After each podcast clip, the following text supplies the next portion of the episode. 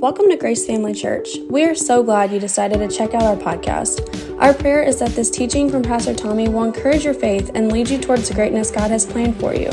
Thanks again for listening. We hope you enjoy this message.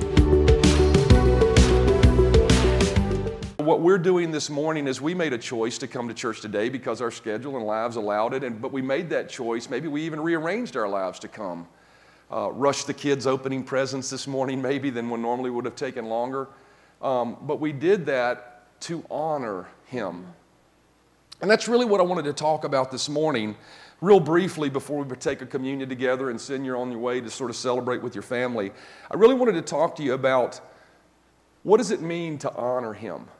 And why are we here this morning? And I think one of the best ways to look at that is to really look back to the story of the wise men as we see them coming to honor him. When we find that story in Matthew chapter 2, I want to read to you just a couple of verses that lay out that story for us and then give you a couple points and then we'll take communion together and worship before we leave. But Matthew chapter 2 and verse 1 says, Now after Jesus was born in Bethlehem of Judea, in the days of Herod the king, behold, wise men from the east came to Jerusalem, saying, Where is he who has been born king of the Jews?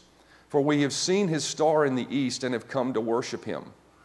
And behold, the star which they had seen in the east went before them till it came and stood over where the young child was. And when they saw the star, they rejoiced with exceedingly great joy. And when they had come into the house, they saw the young child with Mary his mother, and fell down and worshiped him. And when they had opened their gifts, their treasures, they presented gifts to him gold, frankincense, and myrrh. Let's pray before we start, real quickly. Father, thank you so much for the privilege to come and worship you and uh, just to receive thank you that you're just you're kind enough because of what jesus did for us to receive our offerings this morning our, our worship our lives. So i thank you for honoring that by your presence being here and ministering to us and touching our lives. I give you praise and thanks for that in jesus name. You know in this short account of the wise men we see them actually making a, a as many would you know have studied that out a three-year journey to come and see Jesus. And, and really, as I think about the reason they came, it was very much to just honor him, uh, to honor the, the, the message that prophetically had been given to them in that star.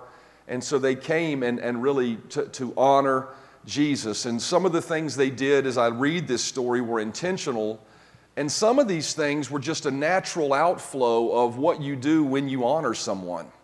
And so I want to talk to you really about just a few simple things, four simple things that they did to honor him. First of all, notice the wise men sought Jesus. They sought Jesus. Out of acknowledgement of him as the king that was coming, they made a choice to seek him. I think that's really important to recognize that because, you know, we can seek a lot of different things.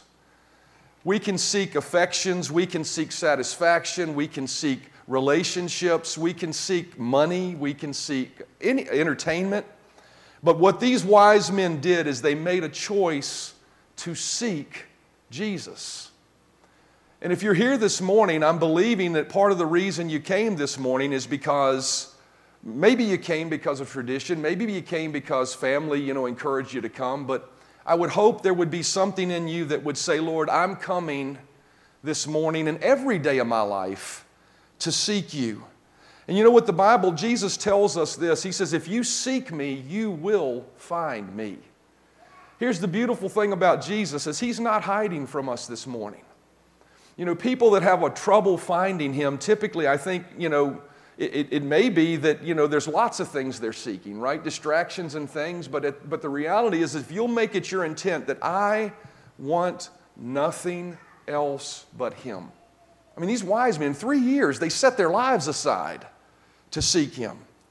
And my prayer that is, if you will, uh, is that you will seek him this morning. And really, as I was thinking about this, you know, I've been teaching a lot about, you know, God's a God of miracles, and he truly is supernatural. And, and I, you know, there's nothing I could say uh, per se as a man that would make him real to you this morning.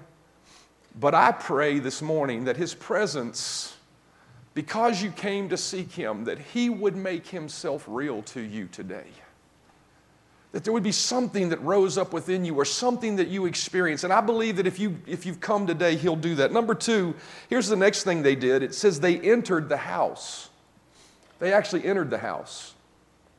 You know, to me, that shows an extra step, right? They came and they saw the star standing over the house and they could go, hmm, there it is, great.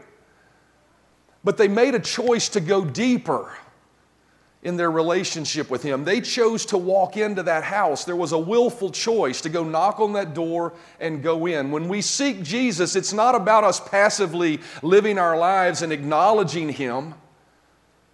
These wise men were smart enough to realize that I had to make a choice to willfully take a step further than just, just, just acknowledging Him this day. I need to make a choice to enter into something with Him. That's the only way to have a relationship with Him. It doesn't happen just because He's good. It doesn't happen just because He loves you. He made a way because He's good and because He loves you, but we have to make a choice to enter the house.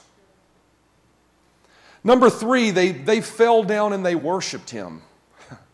When they entered that house, it says they fell down and they worshiped him. They recognized him for who he was and they bent a knee to honor the king.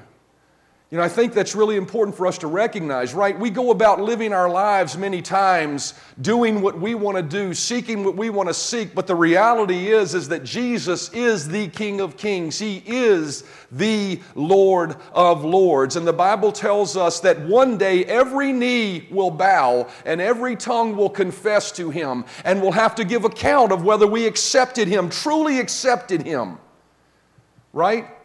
Not just acknowledged him, but truly bent our knee to him. These men made a choice to bend their knee and worship him. And then, last of all, they opened up their gifts to him. I think it's interesting that the phrase is used, they opened up their gifts. To me, this is truly a symbolic act of submission and contrition to him. It's not just even worshiping Him, but they bent their knees and they said, Here is, I'm opening up everything I brought for you. I'm opening it up. What that's saying, Lord, I am opening, you know, for us, I'm opening my life to you. Here is my entire life. I'm giving it to you. Now use me and it for what you will. That's true honor. True honor says, I recognize that you died for me. I recognize that you shed your blood for me to forgive me my sins. So I will not choose my own way. I will not go my own path, but I will bend my knee and open my life to you and say, Here is my life. It's yours. Use it as you will. You know, as we remember, as we, you know, as we come today and honor Him, I believe those three things are important that we must seek Him on a regular basis. We must, once we seek Him and we are at the precipice of that relationship with Him, we must walk through that door. We must enter into the house. And when we enter in, we must fall down and acknowledge Him for who He is. He is truly the King of kings and the Lord of lords. He is greater than me. He is truly greater than me. And then, last of all, we must bend our knee completely and say, Lord, because you are greater than me, because you're my creator, I recognize I can never be fully happy. I can never be truly satisfied in my heart of hearts without me bending my knee to you and finding my place in you. I believe we're called to do that this morning. And so, as we come this morning, we come to partake of the communion table. You know, the Christmas service is to recognize his birth, but his birth led to a death. And, and, and, and that's the real reason we celebrate him. Many people are born, but he was born to die a death for us, for our sins, to be the King of Kings, yes, but to give us everything we have and to make us and to allow us to have a relationship with him. And so, as we remember his sacrifice this morning, I'm, I'm asking you to come do it in honor of Him.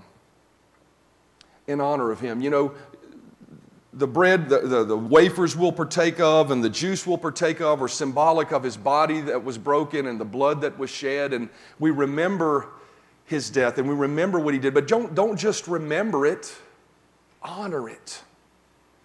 Make a choice today to say, Lord, I will bend my knee to you. I will submit my life to you and I will give you my very best every day of my life. Thanks for listening to our Grace Family Church podcast. We really hope you enjoyed this message. If this ministry has blessed you in any way, we would love for you to get connected. Just go to gfcva.info to learn more about who we are, how to give to this ministry, or how you can get involved. Thanks again for listening, and we hope to see you soon.